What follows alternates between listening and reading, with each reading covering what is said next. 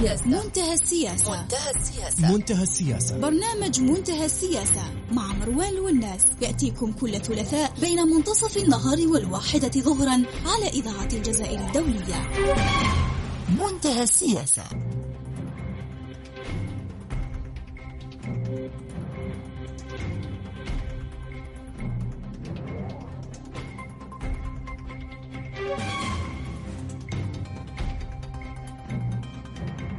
مستمعينا الكرام السلام عليكم ورحمة الله وبركاته وأهلا وسهلا بكم إلى حلقة جديدة من منتهى السياسة. في حلقة هذا الأسبوع سنعود إلى التطورات الأخيرة في ليبيا والخسائر الفادحة التي منيت بها قوات خليفة حفتر ليس فقط على المستوى العسكري والميداني بل أيضا على المستوى السياسي.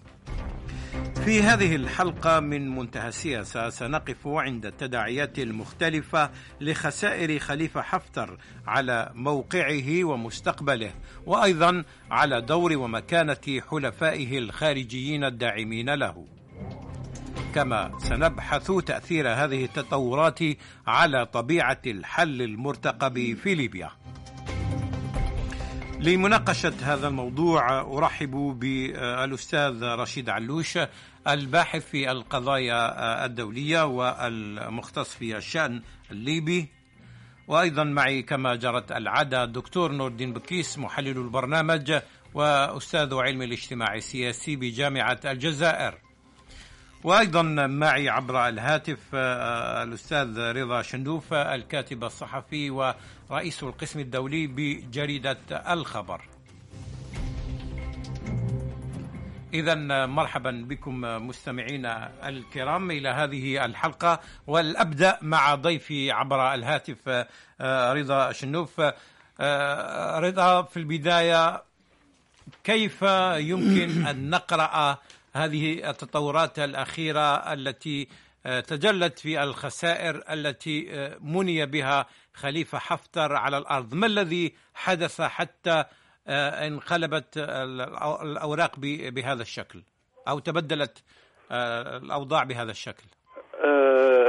هي ما حصل في في في في في طرابلس أو جبهات القتال في طرابلس والتغييرات على على الأرض الميدان. كان الفيصل فيها ما وقع في قاعدة أوطية الاستراتيجية بخسارة عن طريق بعد خسارة خليفة حفتر لهذه القاعدة الاستراتيجية التي كانت تعد القلب النابض لحفتر في في في سيط في نقول في في في حربه على على على على طرابلس. وأيضا كانت تعطيه التفوق في في في في الميدان. وأيضا كانت مربطا لاستقبال الدعم العسكري الخارجي ودعم قوته على على الأرض. هذه الخسارة كانت بعد خسائر أيضا استراتيجية في في عدة مدن في في في غرب في غرب طرابلس. وشاهدنا كيف أنه بعد خسارة قاعدة الوطية كيف أن مدن أيضا في جنوب طرابلس تداعت وأصبحت بين أيدي قوات حكومة الوفاق. واليوم قوات حكومة الوفاق على مشارف ترغونة آخر معقل لقوات حفتر في غرب ليبيا. هذه الهزيمة العسكرية اليوم أدت إلى انعقاد انفراد عقد حفتر وتابعنا الأخبار المتواترة من ليبيا كيف أنه حوالي ألف ما بين ألف وألف وأربعمائة مرتزق من روسيا ومن سوريا تراجعوا وانسحبوا من ساحة القتال في في طرابلس وتم نقلهم إلى إلى قاعدة الجفرة. عبر بني, بني الوليد ولا ولا يعرف مصيرهم بعد ذلك. أيضا فيه أنه خليفة حفتر خسر أيضا دريع أو شريك أساسي في العملية السياسية أو في وتجلى وانجلى عنه غطاء سياسي مهم عن طريق مبادرة رئيس مجلس النواب عقيله صالح الذي حافظ على الإطار العام لاتفاق صخيرات وأطلق مبادرة جديدة للحل السياسي. ثمان نقاط الهدف منها أو للتوصل إلى حل سياسي هذه المبادرة تعد كاطلاق رصاصة الرحمة على طيب. على حفتر سياسيا في ليبيا س... وأيضا نعم. على الصعيد الخارجي تابعنا تصريحات سفير الولايات المتحدة الأمريكية في ليبيا نعم. الذي قال بأنه هو يدعم أن واشنطن تقف وتدعم حكومة الوفاق المعترف بها دوليا وهي ضد فرض الواقع السياسي عبر عبر السلاح. هذه ثلاث نقاط على الصعيد العسكري والسياسي تكشف مدى انهزام حفتر في في وفشل طيب. عمليته العسكرية في في طرابلس نعم. وأيضا خسارة الدول التي راهنت هذه هذه نقطة مهمة سأعود سنعود إليها بالتفصيل في في ما الذي ما الذي خسرته هذه الدول التي كانت هي من تقف وراء خليفة حفتر وبقاء طيلة هذه السنوات يعني رقما مناكفا للحكومة الشرعية في طرابلس الأستاذ رشيد علوش يعني حتى نبقى في هذه النقطة كبداية في هذا الموضوع ما الذي يعنيه الآن؟ يعني ما الذي تغير حتى خسر خليفة حفتر مواقعه العسكرية والميدانية وحتى السياسية. ويبدو أنه قد يختفي قريبا حتى من المشهد الليبي بشكل عام. يعني ما الذي تغير فجأة؟ بسم الله الرحمن الرحيم والصلاة والسلام على أشرف المرسلين.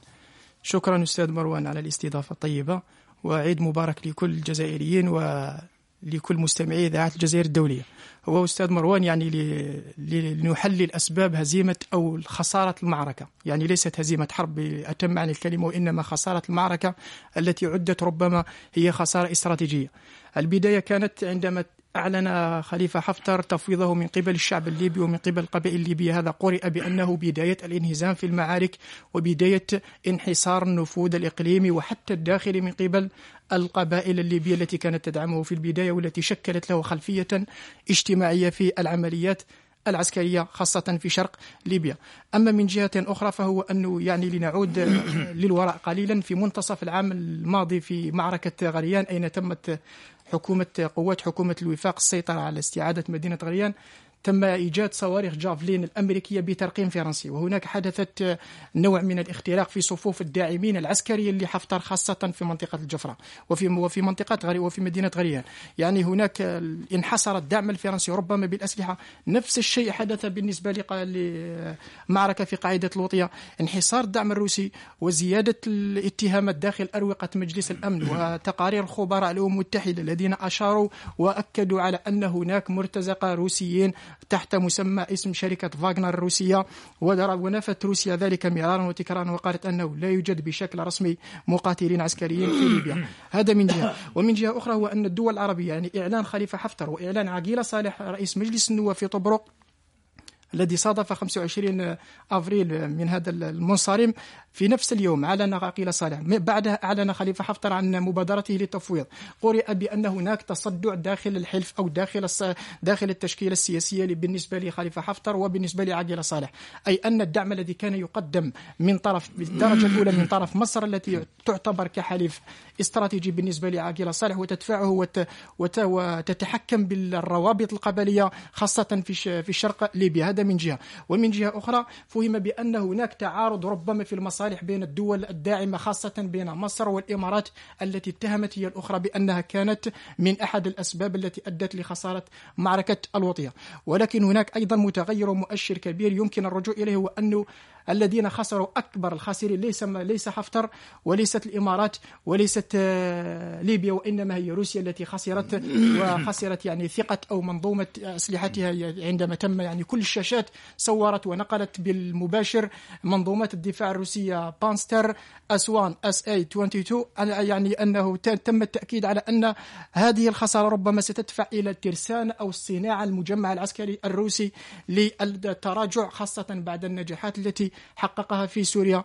و تفوق الطيران المسير التركي الذي الذي حيد طيب. الدفاعات الجوية الروسية واعتبر كهزيمة يعني منيت بها روسيا في ليبيا وتم نقلهم كما ذكر الأستاذ من قبل تم نقلهم من بني وليد ولم يعلم وجهتهم وتم التأكيد على أنهم يتراوح اعدادهم ما بين 1500 و 1600 مقاتل روسي كانوا متواجدين في ليبيا. طيب آه هذه نقطة مهمة يعني تدفعني لكي أسأل آه الدكتور نور الدين بكيس يعني طالما تحدثنا وقلنا منذ بداية الأزمة والحرب الداخلية في ليبيا على أن آه، آه، الأطراف الخارجية العامل الخارجي دائما كان هو الذي يوجه الصراعات داخل آه، ليبيا. هل حدث شيء ما تحول ما في المواقف الدولة أو على الأقل في مواقف وأدوار الدول المتدخلة في الأزمة الليبية هو من قلب الأوضاع بهذا الشكل في ليبيا وأضعف موقع حفتر ومنيا بهذه الخسائر. ما الذي حدث على صعيد آه، المواقف الدولية أو الدول المتدخلة في الأزمة الليبية؟ أولا شكرا أستاذ مروان. عيد مبارك للجميع وتحية طيبة لكل الجزائريين وكل الأمة العربية والإسلامية. أنظن المعادلة الليبية أخ مروان هي لا تشبه بشكل مباشر معادلات الصراع الأخرى. لماذا؟ لأن الهزيمة والانتصار العسكري لا يمكن أن نفهمه بنفس منطق الهزيمة والانتصار العسكري في مناطق أخرى. اليوم أهم معناتها حدث. حدث عسكري هو السيطرة على على الوطية. على قاعدة الوطية. إذا الوطية. إذا حاولنا فهم ذلك نجد بأن ذلك تم بالاتفاق مع من؟ مع مجلس الحكماء في مدينة الزربان والمجلس البلدي لمدينة زنتان أي بمعنى أنه ليس انتصار عسكري كما هو التقليدي معروف وإنما المتحرك الأساسي هو ولاء القبيلة التحالفات القبلية تخصر. نعم هو م. الذي يتغير وقد يتغير مستقبلا وقد يعود إلى حفتر من جديد لأنه ليست هناك ولاءات ثابتة أي بمعنى السلطة في ليبيا ليست سلطة مشكلة في أجزاء كبرى هي سلطة يعني متفرقة ومشتتة بشكل كبير جدا. عفوا تعتمد على تغيير الولاءات بشكل دائم. اليوم ما, الذي حدث؟ ما الذي حدث هو نوع من رفع الضغط على طرابلس. أي وكأن الناس تيقن لن يكون هناك فكرة حسم عسكري بالسيطرة على طرابلس من قبل حفتر لكن هذا لا يغير الموازين. يبقى الشرق شرقا ويبقى الغرب غربا والجنوب جنوبا. هناك زحف يعني قوات آه، صحيح لكن الحكومة الآن يعني موضوع الهجوم على طرابلس أصبح من الماضي. الآن هناك نعم. يعني تمد تردد حتى في معاقل آه، خليفة حفظر يعني. وكأنه هو في حالة دفاع وفرار أيضا. خلفاؤه يفرون. نعم. لا لا نحن نعود دائما الحمل القبلي لأي طرف. الحمل حفتر لم يكن في حامل قبلي مناسب ومساعد يحميه. وبالتالي تغيرت المعادلات بسرعة قياسية. لكن إذا عدت للشرق مثلا لن تجد حفتر بتلك الهشاشة. وذلك الضعف. ولا يمكن لطرابلس مثلا حكومة الوفاق أن تتقدم إلى الشرق بما يعتقد الجميع. وكأن هناك إعادة إعادة تسقيف للصراع من جديد لأنه كانت هناك ربما مؤشرات أو حديث عن فكرة آه، حسم عسكري. اليوم تأكد بلا لا أحد في ليبيا يستطيع الحسم العسكري. يعني رغم هذه التطورات الأخيرة ما زلنا بعيدين. أكيد أستاذ مروان. لسنا أمام أي إمكانية لحسم عسكري وربما استرجاع استرجاع السلطة على مستوى الحمل الحامل القبلي الأكثر تكيفا وتلا وتأقلما مع حكومة الوفاق أي المنطقة الغربية المدن الساحلية الغربية إلى آخره وهذا الذي يحدث اليوم. أما فكرة الولاءات يجب أن نفرق أو التدخل الأجنبي يجب أن نفرق بين الدول التي تستطيع أن تراجع موقفها من ليبيا وهناك دول لا تستطيع أن تراجع موقفها من ليبيا لأنه أهدافها ومصالح استراتيجية كبيرة. مثلا مصر لا يمكن فكرة. هذه آه، تقتضي أن نقف عندها بشكل مفصل؟ أنت طرحت فكرة أنا أريد أن أحيلها على آه، رضا شنوف رئيس القسم الدولي في جريدة الخبر. آه، رضا هل تعتقد أن ما يحدث الآن آه، في ليبيا, هو بعيد عن أي حسم عسكري لمصلحة حكومة الوفاق الوطني وأن حكومة السراج لا يمكنها أن تتمدد نحو الشرق لأن كما قال الدكتور بكيس آه، حفتر ليس بتلك آه، الهشاشة التي آه، نتصورها في شرق ليبيا. وبالتالي أن نتحدث عن بسط السيادة والهيمنة والسيطرة من قبل حكومة السراج في شرق ليبيا. أمر بعيد وغير وارد على الأقل في هذه المرحلة رغم الخسائر التي مني بها حفتر في الجهة الغربية وضواحي طرابلس. في اعتقادي أنه ما جرى في في طرابلس هو حسم عسكري للمعركة الكبرى لأنه ما جرى في في في طرابلس دفع دفع بقوات حفتر لتراجع ما بين 2 إلى 3 كيلومتر جنوب المدينة. أيضا أنه دفع بفصائل مهمة كانت تدفع كانت تدعم حفتر في معركة طرابلس إلى الانسحاب من ساحة المعركة. فما شاهدناه في في في في ليبيا أنه هناك شبه حسم عسكري لصالح قوات الوفاق المدعومة من تركيا. ما دفع بداعمي قوات بداعمي حفتر إلى العودة إلى الدعوة بالدعوه إلى الحل السياسي بعد أن وقفوا على الهزيمة الكبيرة لحلفهم بليبيا. وأيضا نحن على مشارف هزيمة سياسية في في عقر دار حفتر ونتحدث هنا عن ما يجري في برلمان طبرق من خلال رفع 11 نائبا من الوزن الثقيل في في البرلمان. لائحة تدعم مبادرة عقيلة عقيلة صالح. وأيضا انه هذا رفع الغطاء السياسي عن عن حفتر الذي نصب نفسه حاكما لليبيا أيضا هي هزيمة سياسية كبيرة لحفتر ما لا يمكن الحديث عن عن نتائج سياسية بدون الحديث عن عن نتائج على على أرض الميدان أو الحرب العسكرية. فقدان حفتر لأغلب مواقعه بغرب ليبيا. هو هو هزيمة عسكرية. هو هو حسم عسكري لكن لصالح لصالح حكومة الوفاق. آه، أنا أنا كنت أريد أن أتحدث. هل يكون هذا الحسم العسكري هل له من تداعيات على الجهة الشرقية؟ بمعنى هذا الحسم في الجهة الغربية وطرابلس أصبحت بعيدة عن أي هجوم من قوات حليفة حفتر. هل يمكن لحكومة آه، سراج أن تمتد إلى الجهة الشرقية؟ هل ستحسم المعركة في تلك الجهة؟ لأن الدكتور بكيس قال بأن آه، حفتر ليس بتلك الهشاشة في الجهة الشرقية. يعني لا تزال لديه قواعده لا تزال لديه امتداداته وثقله آه، هذا هو. آه، حتى وإن لم آه، تستطيع قوات حكومة الوفاق التوغل إلى إلى قلب شرق ليبيا لأنه حتما الآن لا زال يتمتع بدعم من طرف بعض القبائل في في شرق ليبيا. لكن الإشكال اليوم انتقل من من الدعم القبلي إلى الدعم السياسي. المبادرة عقيلة صالح أجدها انها تحمل الكثير من الرسائل في للداخل الليبي وأيضا إلى خارج آه، ليبيا لأنه هذا الظهير السياسي الذي كان يتمتع به اليوم آه، الذي كان يتمتع به آه، حفتر إذا انجلى عنه. يعني هو بداية لسقوط أيضا الدعم العسكري لحفتر لأنه المشهد متداخل والدعم السياسي هو مرتبط أيضا بدعم عسكري قبلي لقوات حفتر لأنه هي بعيدة عن ان ان تكون جيش لكن هي آه، تنظيمات وتشكيلات آه، عسكرية وقوات وميليشيات. آه، لواء حفتر. وإذا كان فيه أي اهتزاز في الدعم السياسي سيكون لديه تأثيرات وارتدادات على الدعم العسكري. يعني في في في المستقبل المنظور سنشاهد حلقات جديدة لتضعضع حكم حفتر. في في الشرق الليبي واتوقع أن يكون نهاية نهاية سيناريو حفتر في ليبيا قريب وقريب جدا.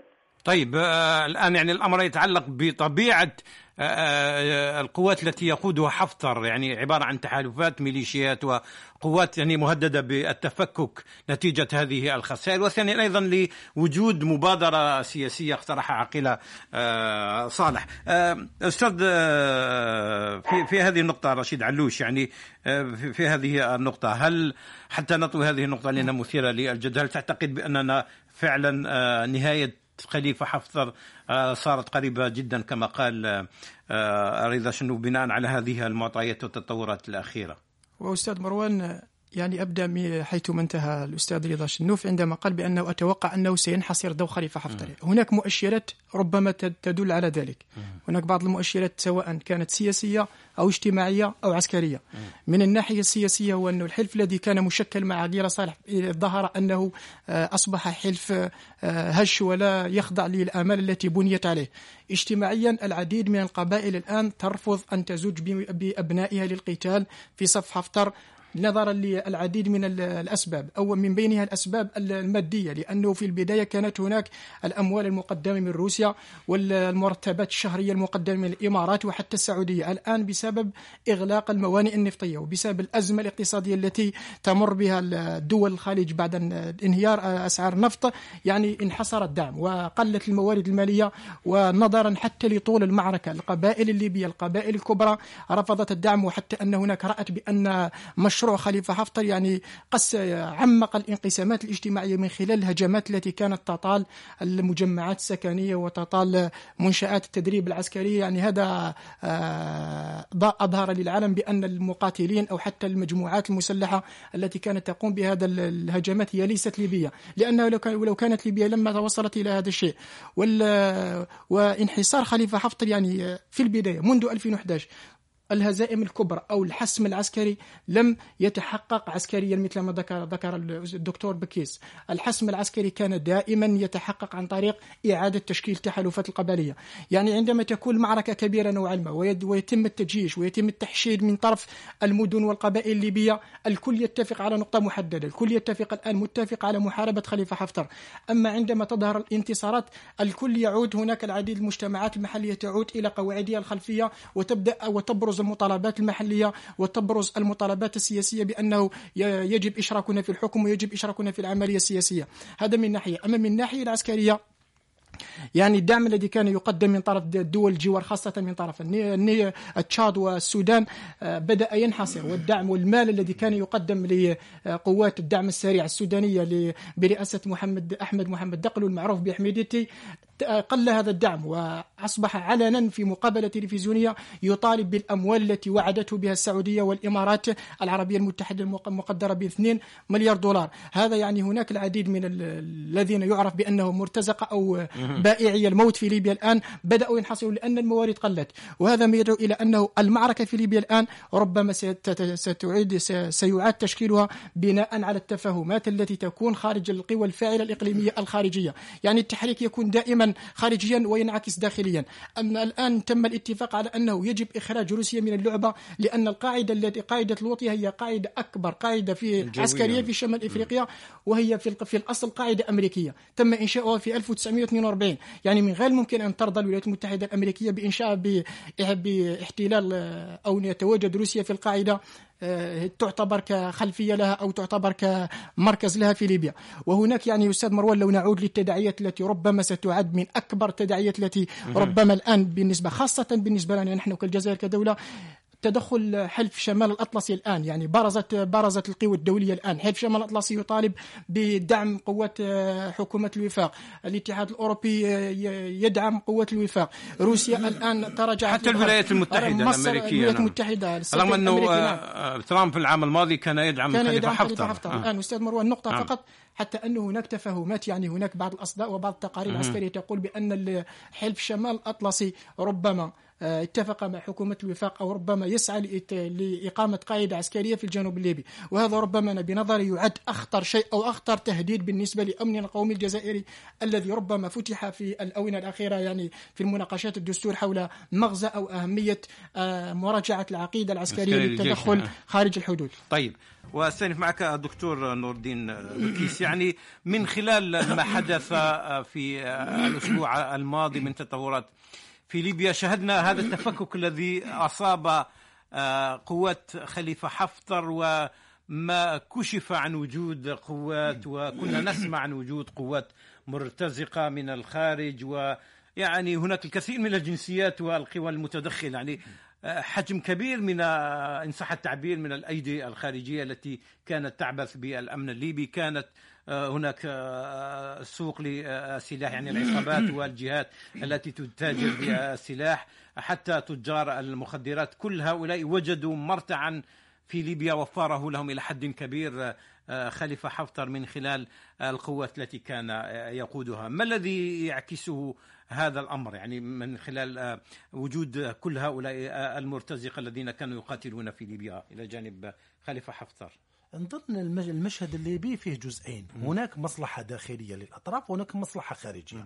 تعددت الأطراف الخارجية لأن المصالح في ليبيا كبيرة جدا. مثلا كل دولة من دول الجوار تريد أن يكون طرفا على حدودها. تريد أن تختار الطرف الذي يكون على حدودها من أجل التعاطي معه. من جانب, من جانب الثاني مصلحة الدول الخارجية مختلفة يعني والرهانات مختلفة. بالنسبة لتركيا على سبيل المثال للحصر تركيا لها مصلحة كبيرة جدا في ليبيا لأنها تستطيع أن تحل بليبيا عدة مشاكل. المشكلة جزء من المشكل السوري. تستطيع أن تنقل جزء من المسلحين التابعين لها الذي يعتبرون ورقة مساومة ورق وأداة من أجل ربما تفعيل الدور التركي في عدة ملفات. تستطيع أن تحافظ على ثقل الإسلام السياسي من خلال التواجد في ليبيا وربما تهجير بعض النخب إلى ليبيا. هي تريد فضاء كبيرا من أجل المحافظة على الوعاء الإسلام السياسي بكل موارده لكي تستطيع أن تتصرف فيه حتى في ملفات أخرى. ورأينا بسهولة كيف استطعت أن تنقل مثلا المقاتلين السوريين. لأنهم خاضعين لأجندتها بشكل أو بآخر بعد التورط في المشهد السوري. من جهة أخرى مصر مثلا لا يمكن أن تقبل فكرة أن يكون على حدودها ذلك البعبع الإسلامي الذي يستطيع أن ينخر وأن يصبح مصدر استنزاف هل هذا ما جعلك تقول بأن آه، خليفة حفتر ليس بتلك الهشاشة في الجهة الشرقية من ليبيا. يعني في كل الحالات لن تتخلى عنه مصر.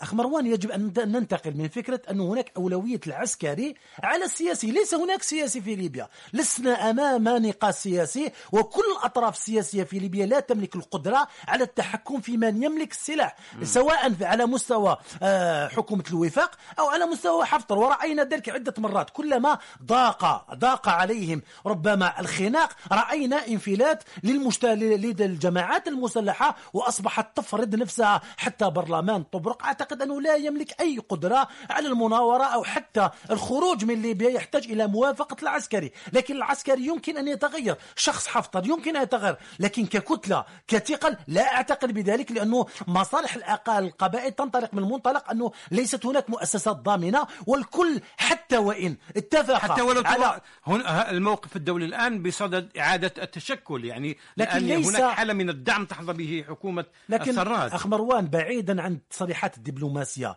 الواقع الحقيقي يقول أنه لكل دولة أجندتها الخاصة ولا وليست لها أي علاقة بما تصرحه وإنها تتحدث الكل يتحدث عن ضرورة المصالحة الآن تقتضي الوقوف لكن, لكن نعم. يجب أن نفرق بين التوغل داخل الغرب لأنه له شروطه والحفاظ على المرتكزات على كل يريد المحافظة على قاعدته وحتى داخل القاعدة الواحدة تجد الفرنسي له فضاؤه ونفوذه وتجد تركيا لها فضاء وتحيط التحكم فيه. يعني لسنا أمام مشهد ربما يختزل الأمر في طرفين كبيرين. الطرفين الكبيرين يختفي وراءهم أجزاء من السلطة. لذلك الدول لن تقبل بفكرة الذهاب إلى مصالحات طالما أن هناك أجندات ثابتة لدول لا يمكن أن تتراجع فيها. قد تتراجع دول لأن طيب. مصلحتها ربما هشة ربما هناك مصالح مادية لكن طيب. دول أخرى لها مصالح استراتيجية. طيب لنأخذ آه، تعليق آه، آه،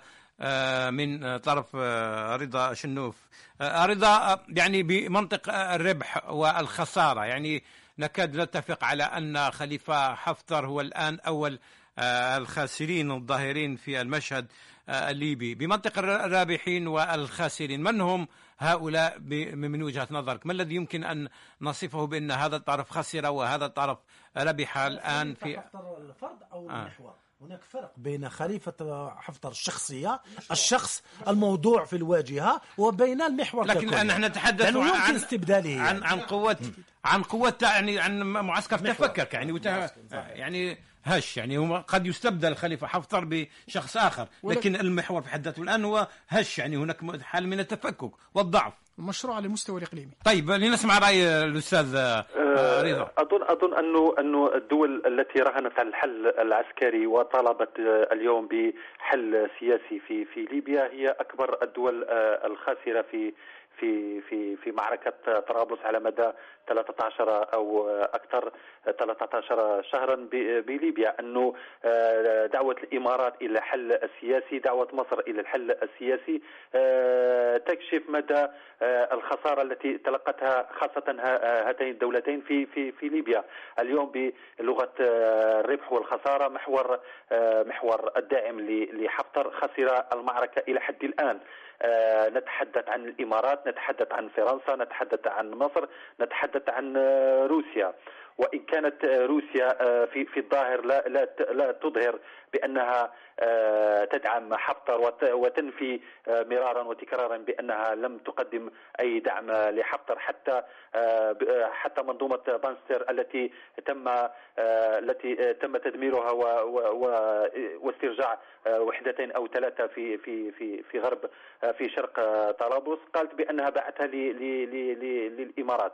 من هذا المنطلق آه، اليوم آه، بلغة ال- الرابح والخاسر محور آه، حفتر آه، إلى حد الآن تكبد أكبر الخسائر في وقت انه آه، نشاهد أن كيف لمحور آه، حكومة آه، السراج ونتحدث اليوم عن آه، عن عن تركيا أنها حتى آه، هي أكبر آه، رابح آه، في المعركة حتى أنه آه، أردوغان آه، تحدث باسم آه، ليبيا وعرض آه، اتفاقيات بخصوص القاعدة العسكرية التي يريد الحلف الأطلسي آه، بنائها وإقامتها في جنوب آه، ليبيا. الحلف الأطلسي الذي آه، أعلن منذ آه، حوالي أسبوع أو عشرة أيام آه، دعمه لحكومة آه، الوفاق في تمهيد كتمهيد ل- ل- آه، للدخول في مفاوضات مع حكومة الوفاق الذي يرونها بأنها هي من ستقود المشهد السياسي مستقبلا في ليبيا. آه، أرجو أن تبقى معي آه، رضا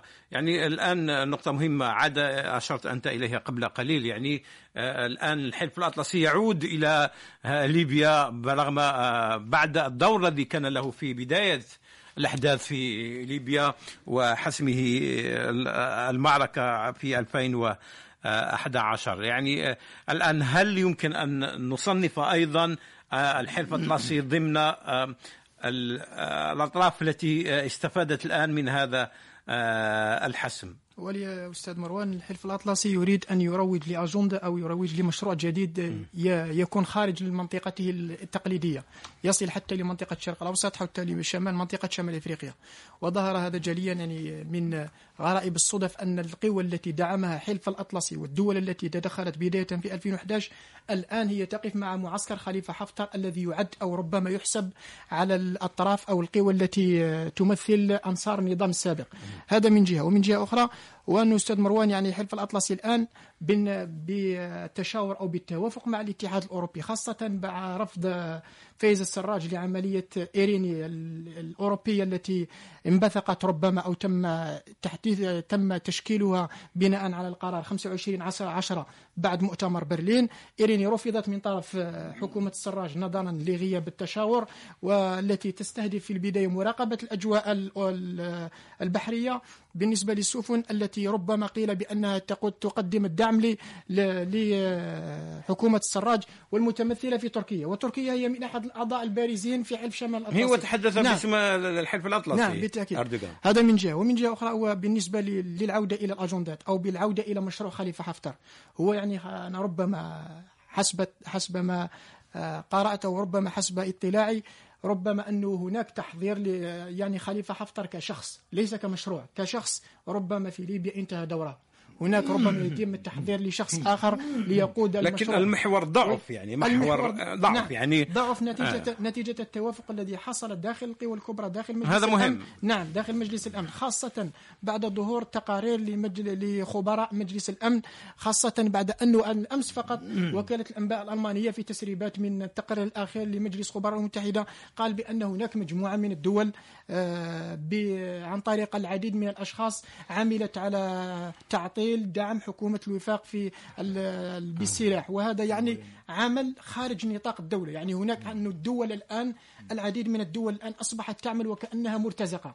يعني تعمل بشكل غير رسمي في أعالي البحار. ويمكن أن تتبرأ نعم. من, من نعم. هؤلاء نعم. المرتزقة. نعم. مثل ما حصل مع الفاغنر نعم بالتأكيد. وهذا وثقت نعم وثقته الولايات المتحدة. والغريب في الأمر أن هناك العديد من الدول الإفريقية التي كانت تحسب أنها داعمة للشرعية من بينها دولة من بينها أنغولا بوتسوانا جنوب إفريقيا الإمارات العربية المتحدة أستراليا الولايات المتحدة الأمريكية وحتى إنجلترا التي تحسب على أنها داعمة لحكومة الوفاق الوطني. أما بالنسبة لدول الجوار الليبي هو أستاذ مروان يعني بعد تصريح السيد رئيس الجمهورية في لقائه مع الصحافة الأخير عندما قال بأن هناك العديد من الدول الرافضة لتطبيق أو الرافضة للمقترح الجزائري الذي يدعو إلى التسوية الذي يدعو إلى التسوية انطلاقا من الأسفل إلى انطلاقا من الجمع القبائل الليبية. وظهر هذا الرفض جليا برفض العديد من دول الجوار والدول الإقليمية العربية برفضها تولي وزير الخارجية الجزائري السابق رمطان العمامرة لمهمة النائب أو لمهمة المبعوث الأممي إلى ليبيا حتى أنه الآن الدول الدول الكبرى في مجلس الأمن غير متوافقة على تعيين آه، مبعوث أممي دائم خلفا لستيفاني ويليامز التي تشغل مهمة بالنيابة. يعني أستاذ مروان نذهب ونعود إلى أن الحل في ليبيا. كما بدأ المشكل في 2011 بدأ من طرف القوى الخارجية. الآن لا يمكن بأي شكل من الأشكال حل المشكل بدون توافق القوى الخارجية. القوى الخارجية لديها مصالح متضاربة. الكل الدول لديها أجندات لا تريد أن تسمح في مصلحتها التي قاتلت لأجلها سنوات وسنوات وخسرت لأجلها العديد من الموارد ممثلة في الأسلحة حتى أن سمعتها تضررت خاصة فيما يتعلق بالإمارات العربية المتحدة ومصر وروسيا في الدرجة الأخيرة. وهذا ما يدعون وهذا ما يدعون إلى القول بأنه يمكن حفظ الدولة الليبية ويمكن حفظ المجتمع من خلال إقامة تسوية سياسية لأن الحرب في ليبيا لن تنتهي مطلقا عن طريق الحرب. الأستاذ رضا شنوف يعني يعني آه، الخسائر التي مني بها محور آه، خليفة حفتر وبالتاكيد سيصب أيضا في مصلحة الدول الداعمة والمحور الداعم لحكومة السراج. هل هذا سيفتح الأفاق نحو التسريع بالحل السياسي وما طبيعة العملية التي ستنطلق أو ينبغي أن تنطلق خلال المرحلة آه، المقبلة وما هي المكانة التي آه، قد يحظى بها الآن الطرف الأطراف الخاسرة إن صح التعبير. هل سيتم استبعادها أم سيتم إدماجها في أي عملية سياسية وحل آه، سياسي خلال الفترة القادمة؟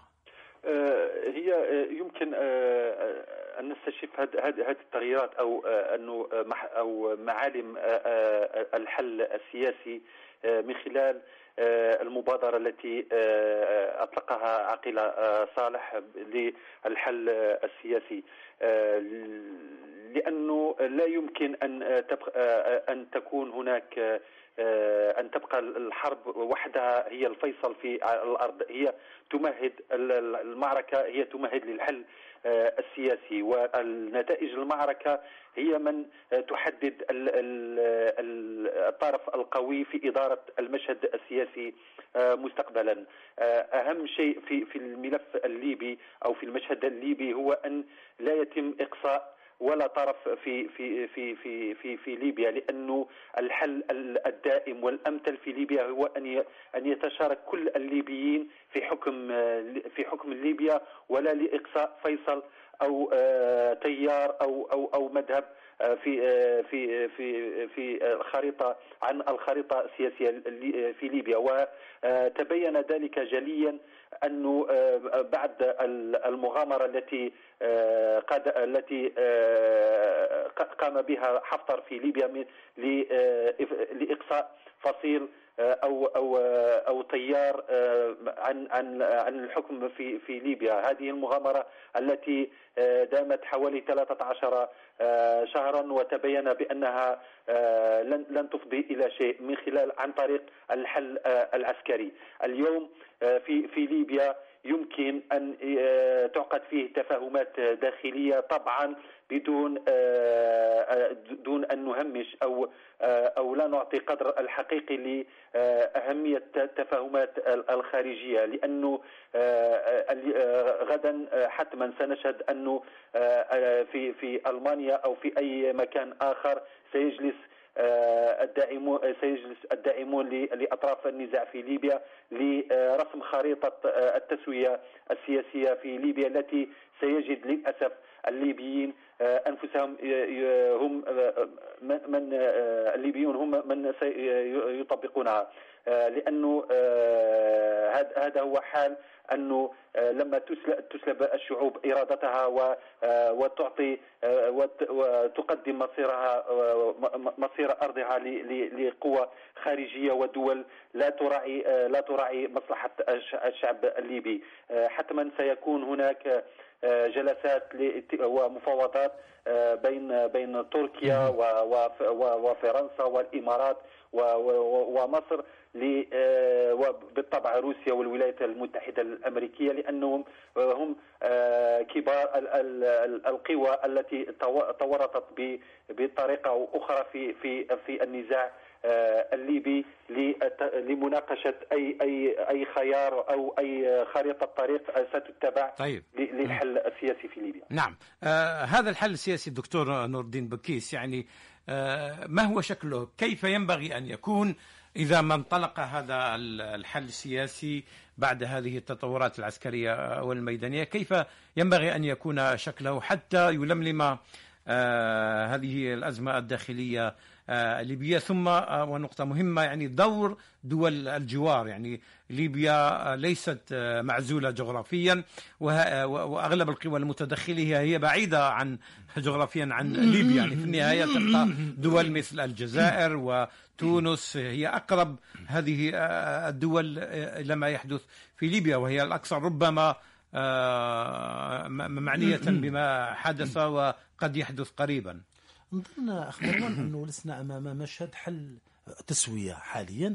لماذا؟ أكبر مشكل مطروح اليوم هو عدم الثقة في ولاء القبيلة ولاء القبائل. هذا من جهة. من جهة ثانية القبائل لا تثق لأنه ليست هناك مؤسسات ضامنة لا داخليا ولا خارجيا. وهذا قد يعظم أدوار تدخل خارجي. رأينا كيف تدخلت تركيا يعني في آخر المطاف يعني بقوة وتوسع ذلك التدخل. يعني وكأنه ليبيا ما زال المجال مفتوحا لتدخل دول أخرى يعني بثقل أكبر.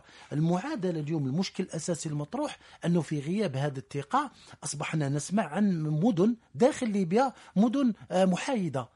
يعني يمكن أن تنتقل الأطراف. إلى مدن محايدة وكأننا لسنا أمام مشكل بلد مشكل وطن صراع من أجل بناء وطن. يعني وكأن هناك إقرار على فكرة كل طرف يستطيع أن يحافظ على سلطته الجزئية ويستطيع أن يستقل بقراره دون, دون اعتبار لمصلحة الوطن أو مستقبل هذا الوطن وهذا خطير جدا. لأنه حتى طرح فكرة مدينة بني الوليد طرحت على أساس أنها مدينة محايدة كما أنه هناك الكثير من القبائل محايدة وقد تستطيع أن تتدخل لفترة معينة ثم تعلن عدم عدم التزامها بالالتزامات السابقة. لذلك المشكل الليبي معقد جدا لأنه دول الجوار إذا أرادت فعلا أن أن تفرض حلا لا تملك القدرة على ذلك لأن الأطراف الأجنبية كثيرة جدا ومتداخلة ولها قوة تتجاوز حتى قوة الدول دول الجوار وبالتالي لم يعد لا الحسم العسكري ممكن في ليبيا. وهذا تبين واضحا بأنه لا يمكن المراهنة على طرف الطرف من أجل الحسم العسكري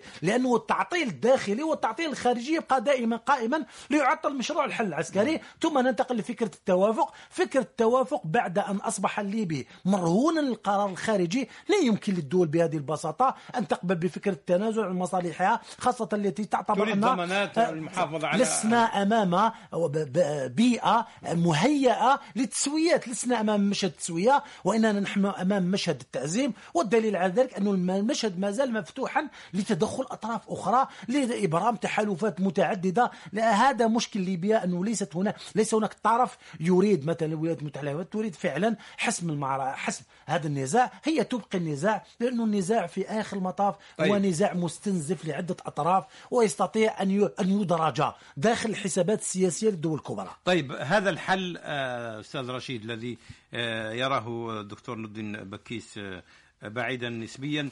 هل يمكن لدول الجوار أن تكون طرفا فيه؟ يعني هي لم تكن طرفا في الأزمة الداخلية في ليبيا لكنها بشكل أو بآخر معنية وينبغي أن تكون معنية. إن غابت أثناء الصراع والحرب ينبغي أن تكون حاضرة في أي حل. نعم وبالتأكيد وهذا نستثني الجزائر أستاذ مروان التي لا تريد حل. يعني الجزائر تريد حل منذ البداية. هناك العديد من تو- تونس أيضا نعم تونس تريد. حل آه. وتتوافق مع الرؤية الجزائرية. الجزائر يعني يا أستاذ لنرد جميل الشعب الليبي أثناء ثورة التحرير لأنهم استضافوا مجاهدين واستضافوا الشعب الشعب الجزائري أثناء الثورة التحريرية ودعمونا بالسلاح. الآن لنرد جميلهم نحاول أو تحاول الدبلوماسيه الجزائريه التسويق لحل. ولكن هو ليس هناك دعم من طرف القوى لأن الكل يعمل لصالح أجندته الخاصة. بالنسبة لدول الجوار أستاذ مروان دول الجوار لم تكن سببا في الأزمة ولكنها تحاول أن تكون في الحل ولكن. بالطرف الآخر هي يتحدث نعم، عن الجهة عن الآن. عن الجهة الغربية ربما. نعم، هي هي ت- الجهة الغربية من ليبيا. هي ت... هي ليس نعم أستاذ وفي في الشكل الآخر هي من أكبر التي من أكبر الدول التي تضررت؟ تضررت ولها أو. قد تتضرر إذا ما- يعني أستاذ مروان حتى عندما يقول. عندما عندما يقوم غنو راشد الغنوشي رئيس حركة النهضة ورئيس البرلمان التونسي بتهنئة فايز السراج بتحرير قاعدة الوطية.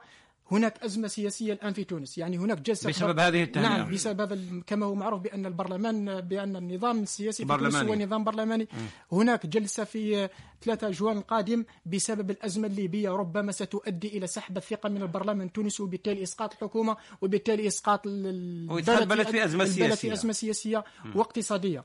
هذا يعني هنا يعني الأمر الذي يدفع بالدول الجوار بالدرجة الأولى لمحاولة الحل في الجهة الجنوبية من مالي والنيجر وتشاد المرت- المرتزقة والجريمة المنظمة الإرهاب المخدرات المخدرات تجارة السلاح السلاح. تجارة السلاح الكل يدخلون كلهم مهاجرين. ويذهبون مهاجرين. يذهبون إلى الشواطئ. حتى أن هناك بعض الدول بال- بشبكات الهجرة. تريد أن تكون هناك هجرة لتستفيد من مشاريع محاربة الهجرة. يعني لا يريدون أي تسوية لل- لل- تنهي للأزمة الأزمة. نعم.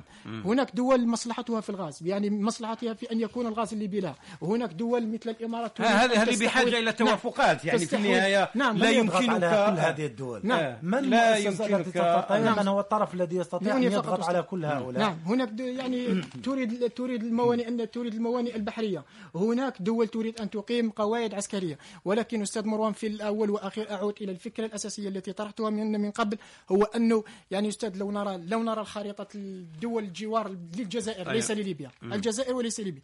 يعني هناك يعني وكأن هناك تطويق بالنسبة للدولة الجزائرية.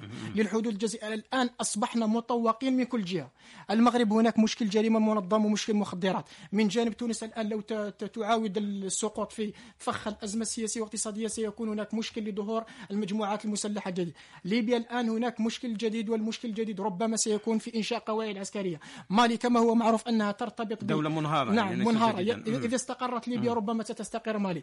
تشاد والنيجر تتلقى دعما من قبل قوى غربيه وتتواجد هناك قواعد عسكرية لدول عربية. ماذا تفعل في تلك المنطقة اعلم وهذا ما يحتم طيب. على صانع القرار الجزائري أن يتعامل مع الأزمة الليبيه كقضية أمن قومي بالدرجة الأولى وأظن, وأظن نعم. آه، وهذا هو نعم. المطلوب وهذا هو ال- ال- المعمول به يعني نعم. آه، الأمن الليبي هو امتداد للأمن الجزائري والعكس صحيح آه، لم يتبقى وقت في هذه الحلقة من منتهى السياسة أشكر ضيفي هنا بالأستوديو الباحث في الشؤون الدولية والمختص في الشأن الليبي آه، رشيد علوش والدكتور نور الدين بكيس محلل البرنامج. كما أشكر آه، رضا شنوف آه، رئيس القسم الدولي في صحيفة الخبر كان معنا عبر الهاتف. أشكركم مستمعينا الكرام على طيب الإصغاء والمتابعة وإلى حلقة قادمة إن شاء الله. وهذه تحياتي أنا مروان الوناس.